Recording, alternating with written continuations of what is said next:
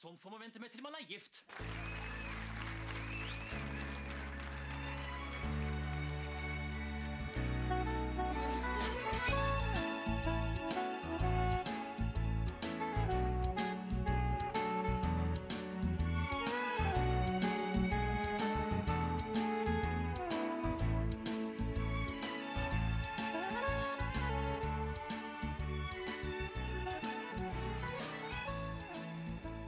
Hei, velkommen til en ny episode av Norsk film filmpodkast. Podkasten hvor vi ser norsk film med et kritisk, men kjærlig blikk. Mitt navn er Emil. Jeg sitter her som alltid med. Stefan heter jeg. Eh, dette her er jo en film som litt i likhet med Bør Børson, Operasjon Vanvidd, som du har pusha veldig på. Operasjon V for vanvidd, ja. Eh, som du har pusha veldig på, Stefan, og som jeg kanskje ikke ville valgt eh, hvis ikke du drev med ganske intens lobbyisme for å få denne filmen opp på podkasten. Hva er det vi har sett i dag, og hvorfor mener du at dette her er interessant å snakke om? Jeg syns det er mer interessant å spørre hvorfor du ikke vil snakke om dette her. Fordi eh, en av de liksom, store norske filmautørene, som du sikkert ville kalt ham, er jo Bent Hamer. Bent Hamer han er jo en sånn, liksom, en, virker jo en sånn skandinavisk filmtradisjon. Og i dag så har vi sett 'Salmer fra kjøkkenet' fra 2003. År 1944 startade husmödrarna och hushållslärarinnorna Hemmets forskningsinstitut, HFI, där hushållsexperter arbetar med experiment som rör köksinredning och arbetsmetoder. I HFIs laboratorium bedöms det som redan finns att köpa av hushållsmaskiner och köksredskap. Dels gjør man undersøkelser for å få fram bedre produkter og dels utvikles bedre arbetsställningar. Vi skal nå se noen eksempel på god utrustning for hemmet. Potatisskalaren er av herdet knivstål. Den er dobbeltferdig og altså lempelig for både høyre- og venstrehendte. Diskstellet for lufttorkning er både hygienisk og funksjonelt. Når HFI nå skal gjennomføre feltstudier i sine grannländer av ensamstående menns kjøkkenrutiner, kommer resultatet.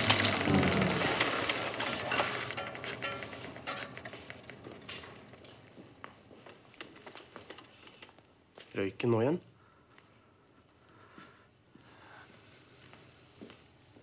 Forbanna svenske drit. Eh,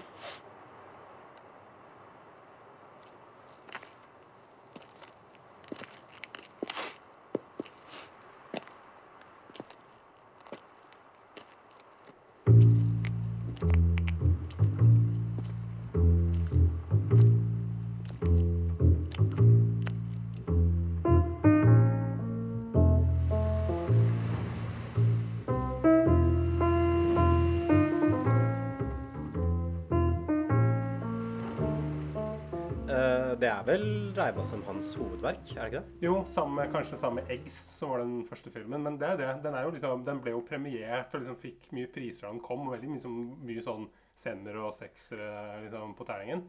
Men hvor, liksom, hvorfor har du hatt sånn motstand mot det, å, å gå løs på den filmen her? Altså, jeg har jo en litt bias mot uh, sånn norsk, norsk film. At 'Stammen fra kjøkkenet' det kan vi jo kanskje komme tilbake til seinere. Det slår meg jo mer som en sånn norsk film av den litt gamle skolen, som henger igjen kanskje litt mer på sånn 90-80-tallet. Når man prøvde å lage norsk film med sånn tydelig sånn skandinavisk preg.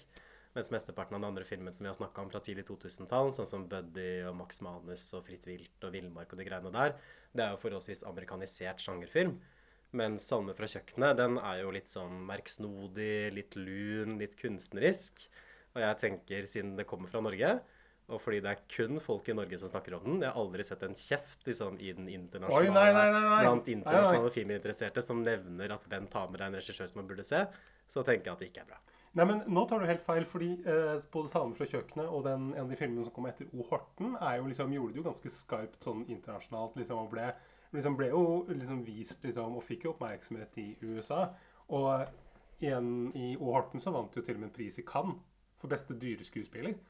Ja, det er, det er, det er jo bare en sånn tullepris. Men, eh, det er men det, er jo, det er jo ingen filminteressert i Europa eller USA som ser Bent Hamer på samme måte som man ser Lars von Trier, f.eks. At han har ikke den statusen der. Men burde man ikke liksom likevel få litt eh, cred for at man faktisk prøver å lage noe annet enn amerikansk sjangerfilm? At man prøver å lage sin egen uh, type film? At man lager liksom en litt sånn norsk eller nordisk film? Er ikke det positivt? Vi får se hvor mye kred jeg er villig til å gi ham. Men jeg snur spørsmålet tilbake til deg, Stefan. Hvorfor ville du se Salmen fra kjøkkenet? Nei, det er jo fordi Bent Hamer har en sånn eh, har måte forsøkt å lage en sånn norsk filmstil som er litt basert på Som jeg heller vil kalle en sånn nordisk filmstil. Som er litt basert på både ganske litt Roy Andersson, dette her stillestående kameraet, de gamle mennene og, og liksom de duse fargene. Også, også litt sånn Kaurismäki-aktig. Jeg tenkte veldig på han, ja. Det er på en måte, det er åpenbart hvor han har hentet inspirasjon fra, men han har jo Du kan jo se for deg dere liksom unge lyttere som liksom sikkert leser uh, mye litteratur av gamle menn. Så kan dere se for dere liksom en bok av Per Petterson. Hvis, hvis en, den, en av de bøkene skulle filmatiseres, så ville den sett ut som 'Salmer fra kjøkkenet'. For den her er jo helt sjukt mannstung. Jeg tror at det er kvinne det er vel to kvinnekarakterer som vi ser i filmen. En er hun derre litt unge dama som er med på flyet med de svenskene, som er med i to steder. Det veldig kort, så vi ser veldig korte glimt av. Og så er det en sånn gammel dame som setter i gang en filmmaskin på kinoen her. Men som det- ikke har noen replikker i det hele tatt, tror jeg. Så det er vel jeg tror det er sånn tre, tre replikker da, av kvinnekarakterer i løpet av hele filmen. Men da spiller du faktisk mot Jan Gunnar Røise, som, bare som ikke har noen replikker i det hele tatt. Og som ikke får filmen til å funke. Så den gamle dama får jo faktisk filmapparatet sitt Så det er ikke noe, det er ikke noe kjønnsfiendtlig her, selv om kvinner er såpass underrepresentert. Fordi Jan Gunnar det- Røise faen, det er enda verre.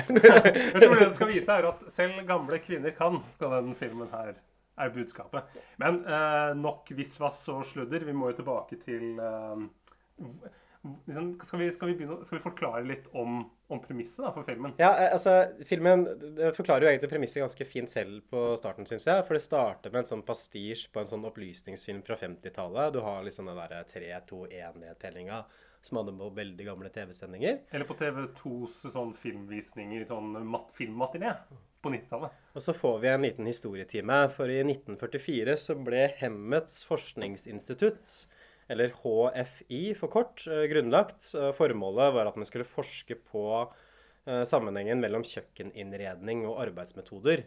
At man tenkte liksom at eh, folk i Skandinavia bruker mye tid på kjøkkenet. Og da er det viktig at vi forsker på hvordan folk oppfører seg på kjøkkenene sine, slik at vi kan gjøre kjøkkenarbeidet deres mest mulig effektivt. Ja, og dette er jo, dette er jo basert på Dette er jo faktisk sant. Eh, man, da man eh, under liksom starten av modernismen, liksom funksjonalismen, på 30-tallet skulle utvikle liksom det perfekte kjøkken, så gjorde man jo sånne studier som man gjør i den filmen her.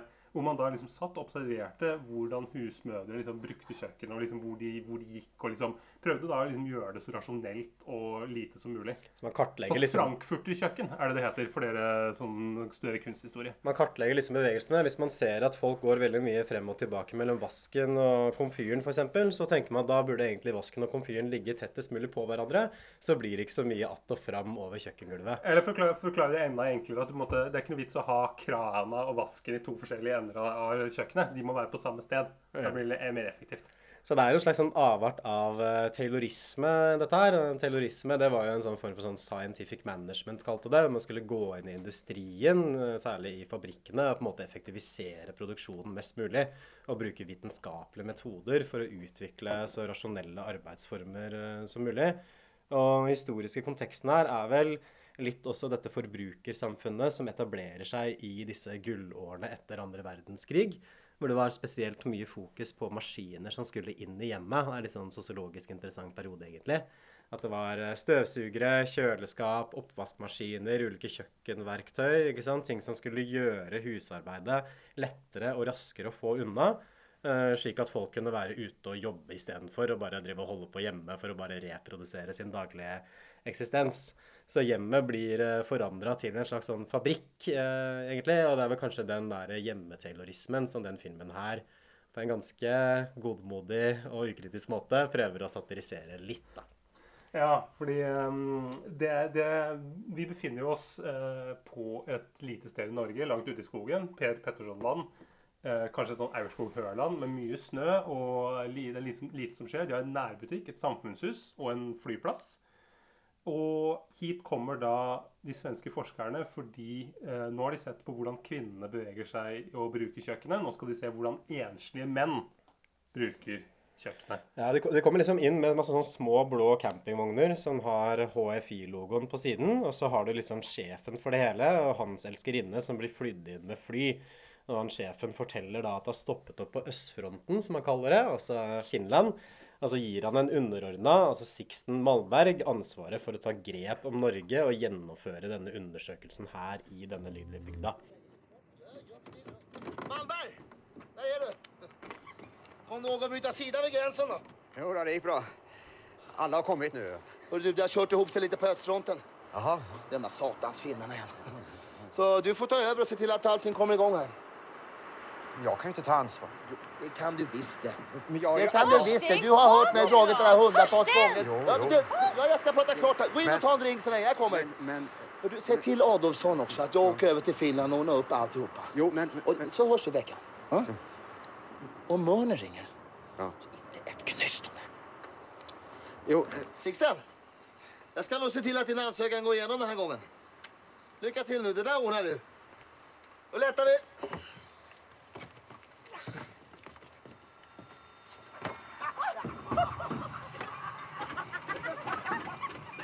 Ja, og han i flyet, det er doktor Jungberg. Han er doktor i sånn hemforskning og et av de store liksom, eh, liksom stjerneskuddene liksom, innafor dette her. da. Han er virkelig en, en stjerne på den der hjemmeforskningsfronten.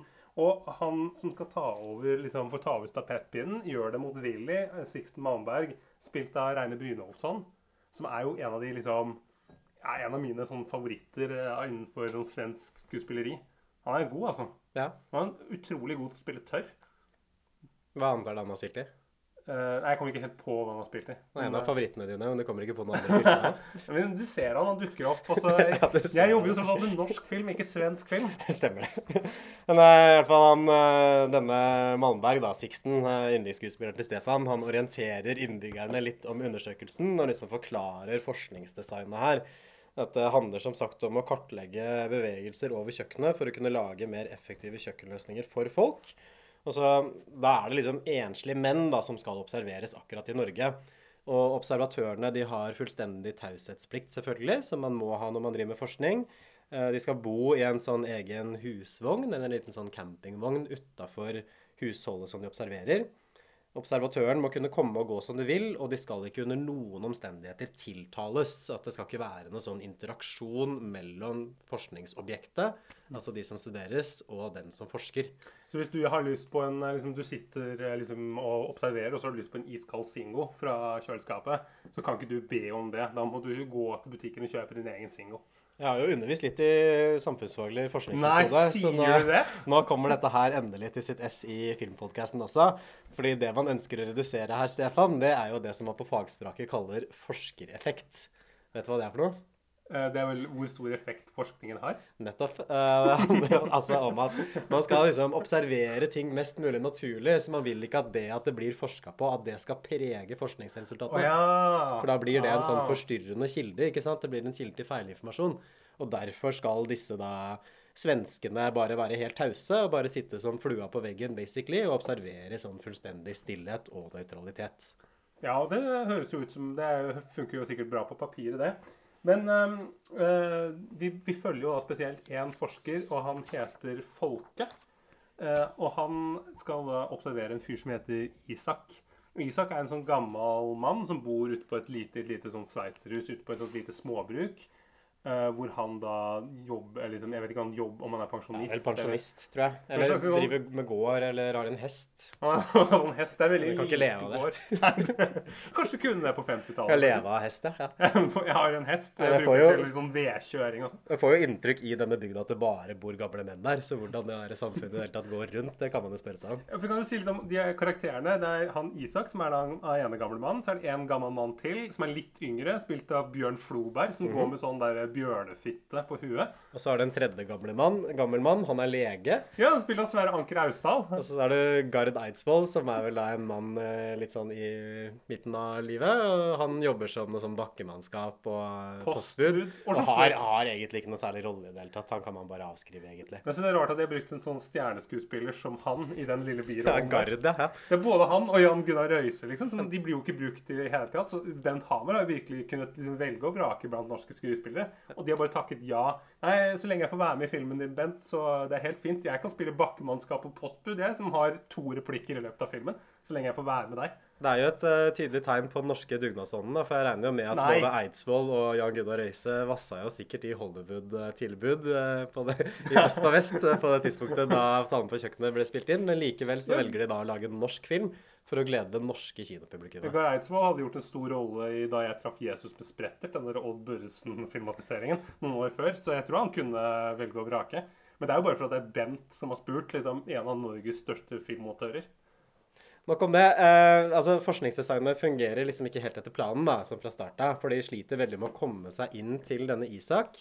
Eh, og når de først eh, kommer seg inn der, så setter liksom han forskeren, altså Folke, seg opp på en sånn høy krakk. Det ser nesten ut som en sånn barnestol, sånn i hjørnet av rommet. Og der skal han liksom sitte som et slags sånn levende overvåkningskamera og observere da handlingene til denne Isak. Ja, fra den pidestallen her så ser, han, han, har liksom, han har en liten blokk som han da, måtte, hvor han da med et kart over kjøkkenet, hvor han da tegner opp streker da, ut ifra hvor Isak går. Om Isak går fra vasken til, til komfyren, liksom, så skal da han folket få med seg det. Dette blir jo selvfølgelig veldig rart og kleint, ikke sant? Og nordmennene blir jo veldig bevisste på at forskeren er der. F.eks. Bjørn Floberg kommer innom for å drikke kaffe, og så stikker han med en gang, for han syns det er så rart å sitte og snakke med han derre svensken i hjørnet. Du har også Isak som skrur et sånt hull i taket over der hvor forskeren sitter, slik at han kan observere ham igjen. Eh, Så det er liksom mye rundt dette her. Mange ganske sånn tause scener hvor vi ser hvordan dette forskningsprosjektet egentlig ikke fungerer helt etter planen. For det blir en sånn rar interaksjon mellom dem, uansett hvor mye han forskeren prøver å være usynlig. Ja, og ehm, det jo, går jo så langt som at folket til slutt vil bytte. Han vil, han vil ikke observere Isak mer, for han skjønner at Isak driver og motarbeider ham på en eller annen måte. For han kjenner f.eks. matlukt et eller annet sted i huset, og skjønner da at Isak lager jo ikke noe mat på kjøkkenet, for det skjer jo ingenting der. Han lager mat på soverommet sitt. Så han har åpenbart et kjøkken til da, på Det er så man har flytta kjøkkenutstyret inn dit for å slippe å bli observert, tror jeg. Og han lager jo det er liksom ikke, sikkert ikke sånn fantastisk kokkhund, så han trenger jo ikke sånne bonsai-kniver og liksom masse greier for å lage mat. Det holder liksom en boks med joikakaker. er Og en kjele. og en åpen flamme. Hadde du greid det, Emil? Hva da? Å lage mat på soverommet? Ja, det kunne jeg nok gjort. Du har blitt litt lei, har du ikke? Ble litt lei. ja. Jeg hadde selvfølgelig ikke hatt eh, Mitt kjøkken er jo perfekt optimalisert allerede, så jeg har ikke behov for å være med på det forskningsprosjektet her. Nei, kan, du er ikke en ensom mann heller. kan jeg kanskje si litt om filmens stil, da. Um, du var jo inne på det i starten, Stefan, at det er en slags sånn nordisk minimalisme her. At det er et forholdsvis nedtona filmspråk, vil jeg si. Eh, lite dialog. eh, mest, det er vel kun mediumbilder, altså hvor man ser liksom folk fra brystkassa og opp, gjerne. At de sitter litt på avstand fra kamera. Veldig få nærbilder. Eh, Nokså treig klipperytme. At man lar scenene spille seg ut ganske sånn organisk. Ikke mye sånn veksling mellom kameravinkler. Så det er en sånn slags kunstminimalisme, men samtidig ikke gjennomført på en veldig sånn stringent måte. Altså Mye europeisk kunstfilm har jo et veldig sånn kjølig, distanserende, litt fremmedgjørende formspråk. Og det får du ikke her. For de har en sånn lun jazzmusikk som går over, annet med han Jan Johansen, Johansson, det er jazz på svenska. Jeg viser han fra, ut, fra utmyra. Og da, du har en liksom, liksom norsk glimt i øyet her, så jeg tror liksom det de har prøvd å Det ordet de liksom har satt øverst på tavla, tror jeg, når de har planlagt filmens stil, er nok underfundig. At det er en sånn småhumoristisk tone. Det er litt sånn småtrist, litt melankolsk, men også veldig sånn lunt og koselig. Det er ingen av karakterene som har noen sånn egentlige problemer. Det er bare litt sånn rare folk som lever de litt sånn rare livene sine på det rare stedet hvor de bor. Og så bare følger man disse litt sånn lovable, men også ganske urealistiske karakterene gjennom sine hverdagsliv. Men syns du det er så urealistiske? Det, er på en måte, det er, jo- finnes vel, liksom På 50-tallet var jo veldig mange ensomme menn som bodde aleine og liksom var litt enkelt skrudd sammen. og... tenker jo kanskje at livet gjerne har litt mer konflikt og turbulens enn det man ser i Salmen fra kjøkkenet. At det er jo en veldig sånn bedagelig tilværelse som skildres. Men er ikke det litt sånn, er ikke det litt fint noen ganger? På en måte, det fins jo folk som på en måte er i vater. Hvorfor skal man alltid liksom skildre de som har det liksom vrient og Ja, vi, kan jo, komme tilbake til det, men for min del, jeg, jeg må si at jeg, jeg syns at den der stilen her, den der sånn underfundige, melankolske stilen, at det, jeg syns det er ganske lite givende rent filmatisk. Hva vil du si, Stefan? Uh, nei, jeg syns, altså, jeg syns det er greit, jeg. Det er ikke noe Dette det er for en annen, litt annen type film. Og så syns jeg det er liksom Jeg liker at det tar seg god tid. Og så kan du, kan du på en måte si det at det er kanskje ikke en Jeg tror det er en film som ville vært vanskelig å lage i dag. Vi kan jo komme mer inn på det seinere, men det er jo det med at liksom, høy, veldig mange menn, gamle menn, var liksom mer i utakt med vår tid enn å liksom følge gamle menn. Det er jo ikke Det gjør man ikke. sånn Gamle menn, liksom, de er, de er, de er, de er borte, de. Ja, sånn tematisk sett, men stilistisk eh, liksom på det rent sånn filmatiske planet, så opplevde jeg den ikke som så datert. Så hvis jeg, hvis jeg på en måte skal berømme filmen for noe, da, så syns jeg at jeg synes den har en veldig god fargepalett. ja, ikke sant? Det er det. og særlig utendørsscenene. Ja, de At de får til noe fin sånn kontrast. Det blir liksom det derre med blått og oransje, den der Michael Bay-fargekontrasten, den bruker de ganske mye. Så du har liksom de varme lysene fra huset, og så har du det blå, liksom norske høstnatta eller vinternatta eller når på året det er satt sånn i bakgrunnen. Det fungerer bra. Eh, men jeg syns jo håndverket her er eh, litt for håndverksmessig da, til å helt kunne kvalifisere for et sånn kunstfilmuttrykk av den formen jeg forventer. Ja, men, men kan du, du Som jeg forventer! Du, du har veldig høye krav, Emil. Men kan du ikke se det litt som en sånn At det, på en, måte, det er, en, det er en, um, en kunstfilm en slags sånn kommersiell drakt? At måte den er den er jo på en måte mindre Den er jo mindre kunstnerisk enn det liksom Roy Andersson og Karismeke er. Men den har jo på en måte fortsatt eh, Men man har på en måte fortsatt brukt mange av de samme virkemidlene. Det er Jeg på en måte bare at man har lagd en litt mer sånn kommersiell vri på historien og litt Jeg tror litt problemet, problemet mitt litt da er at det, det faller litt mellom to stoler for meg. For hvis jeg, jeg vil enten ha rein kunstfilm eller så vil jeg ha rein underholdning. på en måte. At jeg er ikke så glad i den der vassende, lunkne mellomposisjonen som jeg får her i Sanne fra kjøkkenet og Bent Hamer sin stil. Det er litt som at hvis du går på Burger King, så vil du ikke ha veggisburger som Nei, da tar, jeg, da tar jeg Big King trippel XL, liksom. Det er kun kjøtt og sylteagurk og dobbeltost. Ja, men uh, fair, det. Jeg, jeg, men jeg er ikke helt enig. Men vi kan jo Det, det skjer jo Vi går tilbake til handlingen, ja. Ja, for det skjer ting etter hvert. Fordi uh, som alle nå sikkert vet, så kommer jo, begynner jo Folke og Isak etter hvert å prate sammen. Og det skjer jo gjennom en sånn der scene hvor de, de, liksom, de begynner nesten å bli litt sånn uvenner først. Ja, eh, altså det, det, det skjer jo liksom Det første som skjer, er vel at han Folke, han observatøren, bryter en regel. At han sitter og skal spise nista si, og så har han et egg, og så sniker han seg liksom ned fra den stolen og salter egget med saltbøssa eh, når han Isak er ute av rommet. Og så, ja, så fortsetter jo liksom filmen i dette mellompartiet. Det der uvennskapet. Har lyst til å gå inn på det, Stefan? Eller tenker du at det er Nei, det er bare sånn, det er i hvert fall bare at Isak begynner å henge opp uh, masse vask på kjøkkenet. Ja, sånn for han å folk, blokkere utsikten hans, ja. Ja, og, for, og er, er ikke på kjøkkenet i det hele tatt. Men um, så løser det seg, for nå, nå sitter han, um, han godeste Isak og liksom skal røyke tobakk, for han har pipe, en sånn snadde, sånn som gamle menn har. Og det er tomt for tobakk. Gjett hvem som kommer, kaster pakka si ned på bordet til Isak. Da kommer folket, Folke, vet du, forskeren, og da etableres det en slags sånn kontrakt, eh, eller kontakt mellom dem. Og etter hvert så tar også Isak og inviterer han ned på en kopp kaffe. Ja. Uh, her får vi en litt sånn der interessant uh, parallellhistorie som er vel ment å på en måte illustrere det som etter hvert blir filmens dilemma. da. Fordi Folke får besøk av uh, han Malmberg, som har ansvar for hele undersøkelsen i denne lille bygda. Som kan fortelle det at en, i et annet hus så har eh, verten og observatøren begynt å drikke sammen. Og lurer da på om ikke folket kan bytte og bli observatør i dette andre huset, fordi det at de driver og drikker seg fulle sammen, det forstyrrer jo selvfølgelig forskninga. Og rett etterpå så får folket besøk av han Green, som han heter. Altså han som drikker, han observatøren som drikker, som har brutt regelen. Som er veldig tydelig. Da heter Gren. Gren? Green? Vi sier Gren, det er to e-er. Nei, de sier Gren. Ok. Som er I hvert fall, da. Gren, Grin. Gre, Green. Han er veldig han er, Green, tror han heter. han, er veldig han er veldig frustrert, for han sier liksom Vi får jo ikke lov til noen ting. Hvordan kan man tenke at vi skal forstå folk hvis vi bare sitter og observerer dem sånn på avstand fra denne pidestallen? Vi må jo prate med dem for å skjønne hva de egentlig tenker, og for å kunne gjøre best mulig forskning. Så her kommer vi jo kanskje til filmens overordna moral, at eh, folk må snakke sammen, rett og slett. For å forstå hverandre og for å kunne lage, gjøre god forskning. Hva syns du om den? Uh, Nei, det, det er jo en slags sånn kritikk av kvantitativ metode, kanskje. da. At det, fordi kvantitativ, liksom sånn positivistisk, det ordet blir faktisk brukt her, så er jo, som jeg var inne på i stad, ideen at man skal minimere denne forskereffekten. Og på en måte observere folk eh, som om det ikke var en forsker til stede.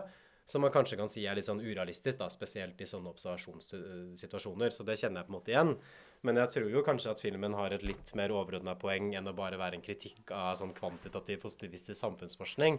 For den underliggende moralen her er vel kanskje det at folk må på en måte snakke sammen for å forstå hverandre. Og også det at du kan ikke sette to mennesker i samme rom og forvente at de ikke skal ha en eller annen form for interaksjon.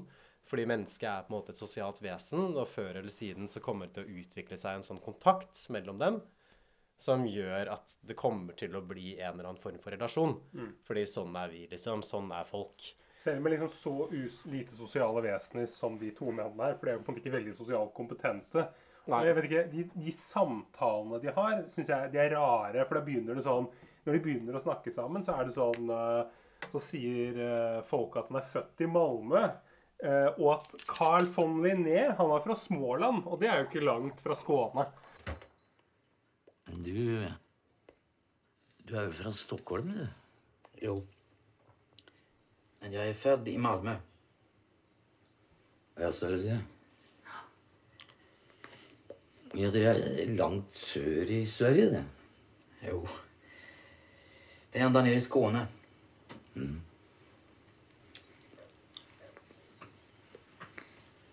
Carl von Linné var forresten fra Småland. Jaså, Ja. fra Småland?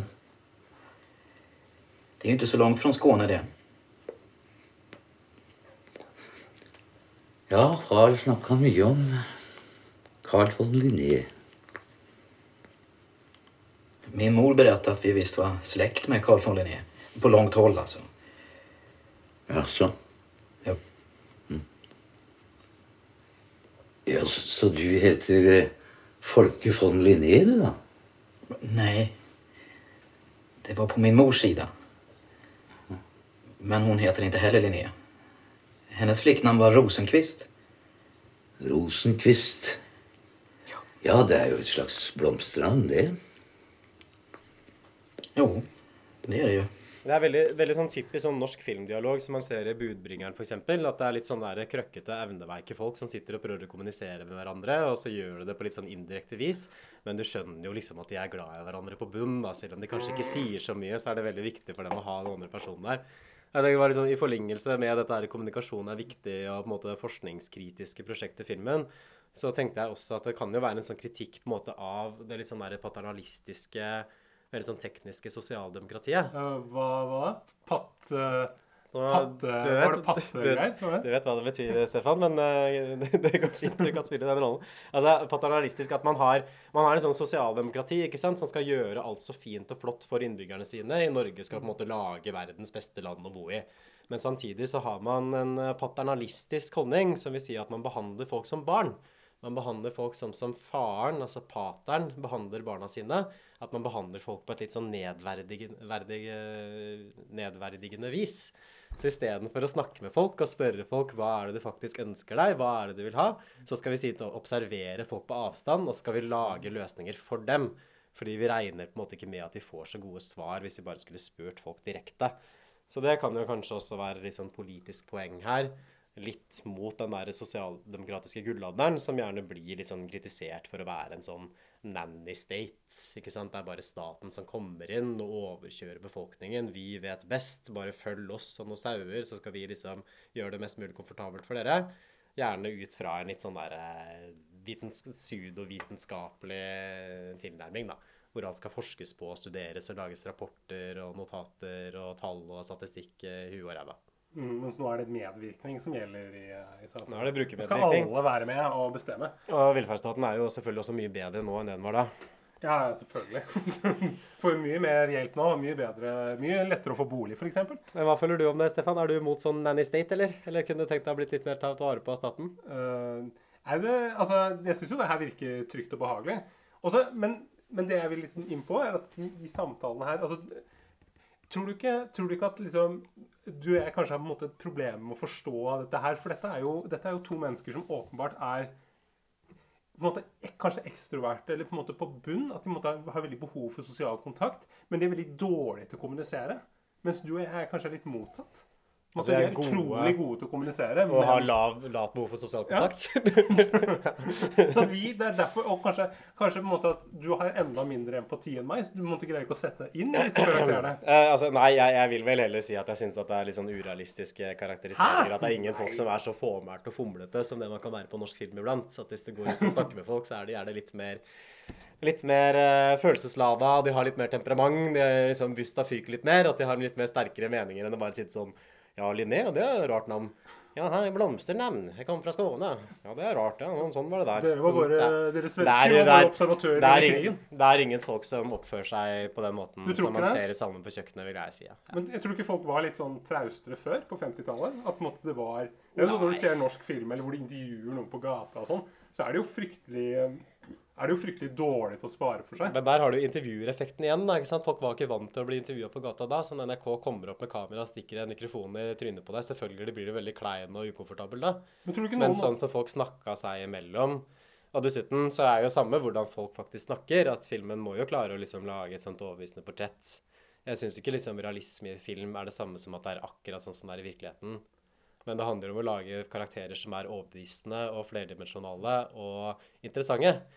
Og der syns jeg kanskje det skorter litt for godeste Bent i den filmen her, i hvert fall for min del. Ja, jeg- Det ser ikke ut som Det at er ikke noe, det er ikke noe dybde her.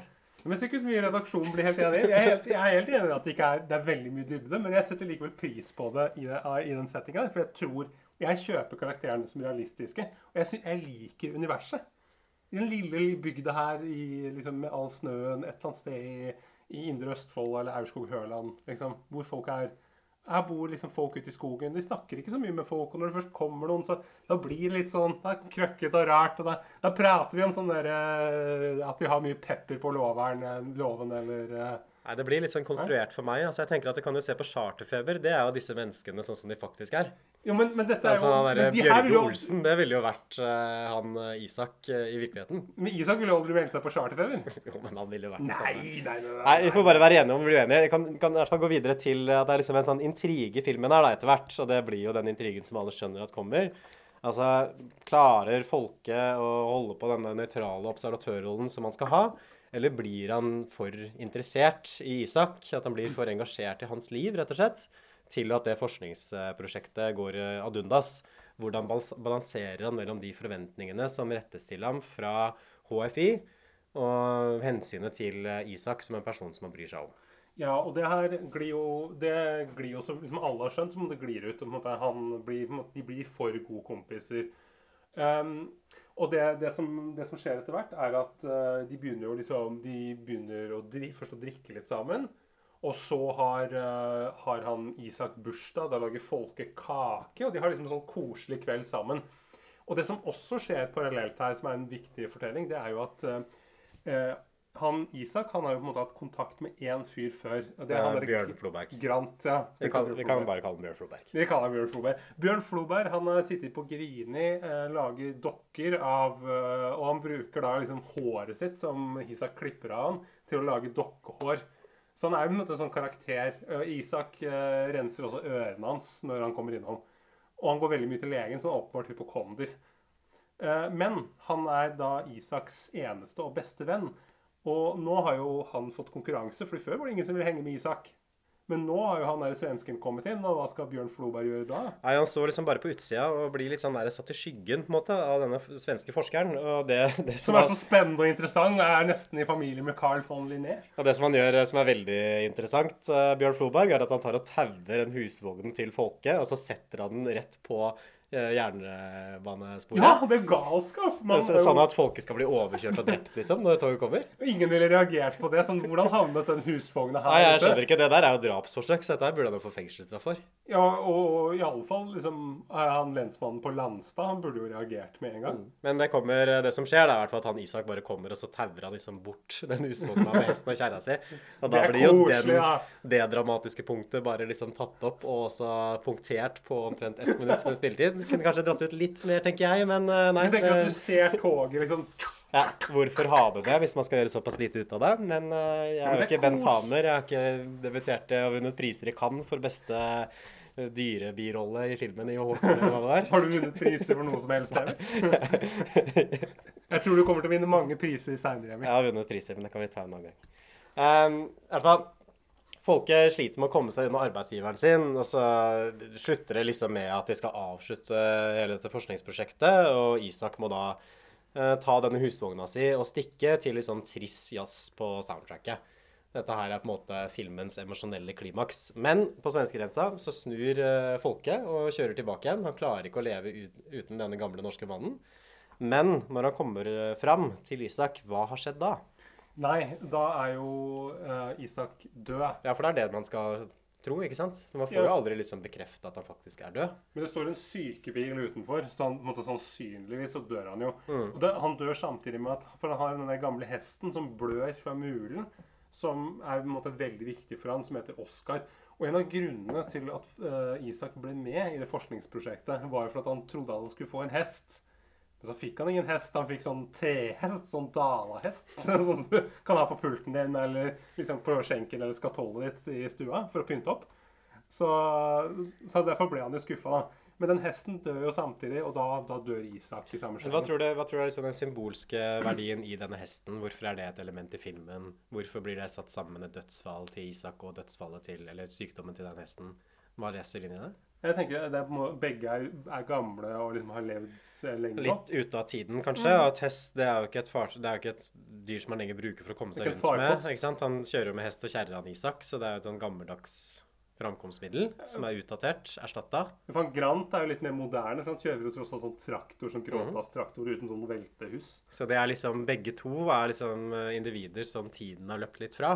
Som det ikke er plass til lenger i dette her vitenskapelige, rasjonaliserte Norge som eh, HFI representerer. Ja, for, det, ja, for det, dette, det er- jo morsomt at de kommer, dette liksom eh, ultrarasjonelle, kommer da til denne bygda som ikke er rasjonelt drevet i det hele tatt. Mm. Hvor på en måte, ja, folk kjører, han, Hva gjør han der Grant? Han bare kjører rundt på traktoren og drikker kaffe hos Isak. Så det, det blir en litt sånn antivitenskap-film, for eksempel, for, på en måte, da, ikke sant? For den kritiserer på en måte vitenskapen, at den kommer og fortrenger liksom den gode, gamle norske kulturen. Det er derfor du ikke liker den! Men Du er jo vitenskapsmann. Du ville jo vært folk... Ja, du ville ha vært han derre Sixten Malmberg. Ja, Eller, nei, jeg, du ville jeg sitter i det der jævla flyet som ja, Finnen. ja, for du er jo doktor. Du ville vært doktor Ljungberg. Du ville vært en, du er jo, nå er du en ekspert, liksom en, en, eh, en stjerne innenfor sosiologien, men da ville du jo vært en stjerne innenfor den Men er hemmelige forskningen. for det er jo et typisk norsk tema, dette her. At man setter opp på en måte det autentiske norske, som kanskje er det som er litt sånn gammeldags, også bondsk, og det liksom er ute på landsbygda. Det er ikke urbant, det er ruralt. Det er gjerne noe litt sånn gammelt ved det. Det er ofte mannlig, i motsetning til det å være kvinnelig og moderne, og liksom orientert mot storbyen og liksom de fristelsene som finnes der. Og det man ser her, er jo kanskje det som skjer når de to verdenene krasjer litt, da. Og hvor eh, man kan kanskje si at det er nettopp det inntoget av det rasjonelle, urbane og moderne samfunnet som tar livet av Isak. Ja. I kraft av at han blir så skuffa over ikke å få den hesten. Så det moderne samfunnet lover ham noe. Og lurer ham med på dette forskningsprosjektet. Lurer ham til å på en måte bli et sånt forskningsprøvekanin for disse kyniske svenskene. Og så får han ikke det, og så ender han opp med å stryke med til slutt. Så det er en sånn anti-opplysningstidsfilm. Ja, det, Hvis du hadde satt den i dag, så hadde det vært et eller annet sted på bygda, og så, er det på en måte noen, så forsvinner banken, og så greier ikke de gamle å betale regningene sine. Og så dør de. Fordi at de har betalt strømregningen sin. tror du Bent Hamer var anti-vax, eller? Tror du det? Kanskje fra den filmen der. Men det er et eller annet interessant med det, fordi at det det er et eller annet med liksom det trauste norske som den filmen romantiserer veldig, men som har forsvunnet mer og mer ut av den norske kulturen kanskje siden 2003. Så hvis den filmen her kom i dag, så tror jeg den ville blitt oppfatta som veldig, veldig gammeldags. Ja. Selv om det hadde vært en periodefilm, for det var den jo også da den kom, ikke sant? Men den type historier som den forteller, det opplever jeg kanskje at det ikke er så voldsomt mye interesse for i den norske offentligheten i dag. Nei, fordi, eh, fordi det her er jo sånn Altså, du kan kanskje slumpe til å se det liksom i nærheten av det, på sånn der ingen skulle tro at noen kunne bo. Men selv der så er det på en måte ikke er det jo ikke liksom disse typene vanlig, men det var jo Det fantes jo en del sånne folk sånn på en måte på overgangen på 2000-tallet. Så var det ikke helt uvanlig. Hvordan tolker du den aller siste scenen i filmen, eh, Stefan? Fordi da er det liksom Folket har åpenbart flytta inn i huset til Isak. Ja, og så driver han og dekker på med kaffe, og så skal det komme noen på besøk. Er det liksom Bjørn Floberg som kan komme på kaffebesøk? Ja. Så folket har på en måte blitt til Isak? Ja, han har blitt Isak på en måte blitt Bjørn Flobergs bestevenn. Han har forlatt de eh, vitenskapens høyborg, gått ned fra Elfenbenstårnet, og nå sitter han liksom i stua der og har blitt en pensjonert sull i kanna. det er det liksom happy endingen. Ja, jeg, jeg tror det. Også, også nå, for du hører jo om det, det ringer tre ganger eh, fordi fordi de Isak og Folke de driver jo ikke Eller han Isak og Bjørn Floberg de ringer ikke til hverandre, for det er så dyre teleskritt.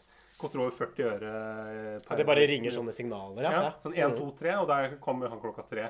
Og nå hører du det ringe, og så hører du en sånn during av en bil eller traktor. Ja. Så det er sikkert Bjørn Floberg som kommer. Så ringen er på en måte slutta, da, bare at det er folket som har tatt Isak sin plass. Ja. Og på en måte eh, bosatt seg ute på landet her. Mm. Jeg vet ikke helt hva han kan om jordbruk, eller liksom hva han skal gjøre der. Skal han drive liksom, skal han drive og forske, skal han skrive doktorgraden sin der ute? Det kan jo også være en sånn eh, kommentar til det at man åpna i samme periode, så drev man og åpna det norske arbeidsmarkedet veldig ut mot Øst-Europa. Og her kommer det jo noen fra øst og tar plassen til oss nordmenn, ikke sant? Og det krever da at den norske mannen dør for at eh, denne østlige fremmedarbeideren som folket tross alt representerer, skal sitte der ved kaffebordet og på en måte ta over våre privilegier og gleder her i, på Nisseberget. Du virkelig Tror du, tror du det har vært intensjonen til filmskaperen, eller? Uh, nei, jeg tror ikke det har vært intensjonen til filmskaperen. Du har virkelig lest deg opp og gjort hjemmeleksa di her. vet Altså. Det er virkelig, det er veldig Masse mye analyser. Jeg, jeg kan komme litt mer, da. Um, Enda mer? Jeg har, fordi jeg, jeg tror grunnen til at dette her ikke funker så bra for, meg, og det, det var en ting som jeg, jeg fikk en sånn oppdagelse for også mens, vi så film, mens jeg så filmen, er at jeg føler at en ting som skiller liksom norsk kunstfilm, hvis man skal kalle det det, da, eller sånn norsk på en måte, sånn autørfilm, um, fra liksom kunstfilm fra andre land, er at norske kunstfilm alltid skal være så jævlig koselig. At hvis du ser liksom på de typiske temaene som går igjen i kunstfilmen sånn internasjonalt, så er det liksom gjerne at sånn som Bergman. Gud er stille, Gud har forlatt oss. Nå er menneskene helt aleine på jorda, må finne ut hvordan vi skal leve. Du har eh, liksom Amor av Haneke. Den du elsker, kommer på et eller annet tidspunkt til å bli gammel og senil. Til slutt så må du bare ta livet av henne, fordi den, den personen du elska, er uansett allerede død. Du har Lars von Trier, som liksom alle filmene hans handler om at folk flest er bare jævlig onde. Hvis du er god, sånn som Nicole Kidman er i Dogville, så blir du voldtatt og straffa av hele lokalbefolkningen.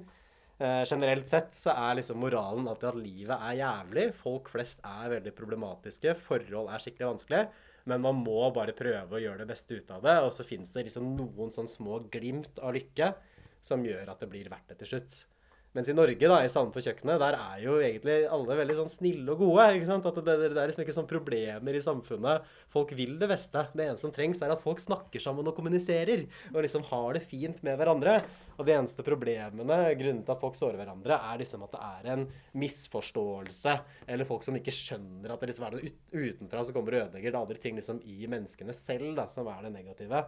Så det blir liksom aldri noe sånn særlig sånn kritisk brodd, da, syns jeg, i de filmene. At det virker som de utspiller seg i et litt sånn fantasiunivers.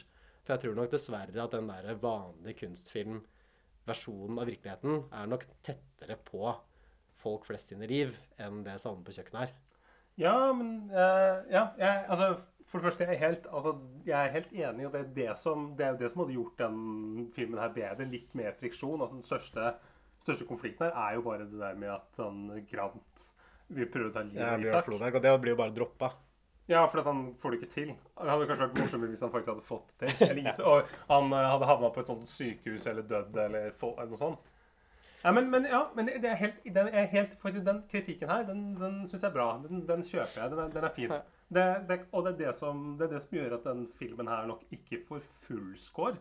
Men kan det ikke likevel Men at det er urealistisk altså, måte, Det finnes jo, det finnes jo noen mennesker som på en måte er, du møter på innimellom, som, måte, som har veldig lite mørke.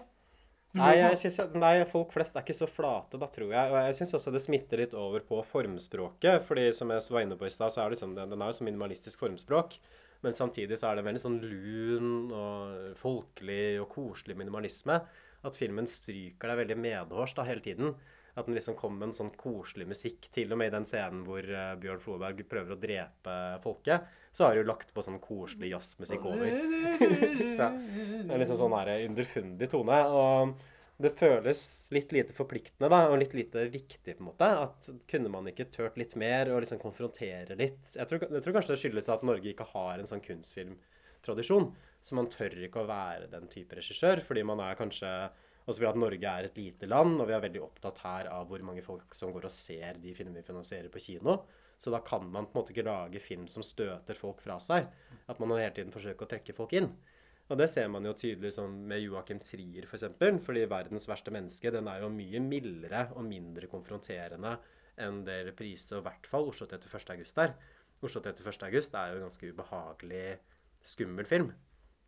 Mens i 'Verdens verste menneske' den er jo utrolig sånn godsnakkende og smigrende for publikum. Og så ser man at det er jo også liksom den filmen hans som har gjort det klart best. Og nå har han fått uh, hvor mange millioner det er fra Norsk Filmfond. Sånn, eller NFI, 20 mill. eller et eller annet sånt, som er rekord for ham. Så man ser jo på en måte hva som lønner seg. Men jeg bare frykter at det fører til at norske filmkulturen blir veldig kjedelig og traust da, på sikt. Og det kanskje er litt av grunnen til at vi aldri klarer å konkurrere mot sånn Lars von Trier eller Haneke, som er jo mye mer sånn kontroversielle, radikale filmkunstnere som kanskje tør å lage noe som er litt ubehagelig, og noe man husker mer. Men det er sant, men samtidig, hvor mange ser liksom de kunstfilmene? Jeg tror, det, jeg tror det er mange flere som ser det internasjonalt. Som, jeg tror det er mange flere som har sett Lars von Trier sine filmer, enn det er som har sett ja, men det, sine det filmer. tror jeg også, men, men, eh, men det er jo fortsatt en liten gruppe internasjonalt som ser dem. Det er jo på en måte de som er interessert i film. Så hvis du på en måte eh, Og nå sier jeg jo like at, liksom, at kultur liksom skal måles ut ifra hvor mange som ser det. Det er på en måte publikum. Men, men her har man jo dette, jeg, tror ikke, jeg tror ikke det er forsøket i den filmen her. Jeg tror på en måte forsøket er jo å lage en liksom En film for folk flest. Ja, en film for folk flest som treffer ganske bredt, og det vil jeg si at den har gjort. Ja, for det, det, det er jo opplagt et motargument mot det jeg sier, at det blir veldig snobbete og elitistisk. ikke sant? Her forventer jeg film Ja, som, nesten ingen, selv, da som nesten ingen liker. Men, men jeg mener liksom ja, men, men kan man ikke ha noen sånne filmer òg, da? ikke sant, i Norge? Ja. Problemet er jo ikke at man har for mange liksom, radikale kunstfilmer som henvender seg til et smalt publikum. Problemet er at vi nesten ikke har noe av det. At man går liksom gang på gang, da, synes jeg, i disse filmene vi har sett, også sammen fra kjøkkenet, i en veldig sånn publikums-pleasing retning. Når man kunne tatt noen andre valg underveis, og kanskje lagd noe som for meg hadde vært mest interessant. Så det, det, det er mer interessant. Så det, det, det er mitt hjertesukk, da. Ja, ja. Takk, Harald Eia. Hyggelig, hyggelig å bli kjent med deg. Harald Eia, kjente forkjemperen for smal kunstfilm i Norge.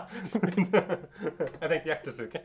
Men eh, Nei, men jeg er enig. Og um, det som eh, Men, men og jeg, jeg tror jo at hvis det er én person i Norge som kunne gjort det her, så er det jo Bent Hamer. Som kunne på en måte vært stått på liksom kunstfilmens side liksom i alle, liksom, alle kampene. liksom på en måte Skutt ned både Erik Poppe og eh, Ulrik Imtias Rolfsen liksom, og på en måte bare og stått på kunstfilmens trone og på en måte jobbet. For jeg tror han har, jeg tror han har det som skal til.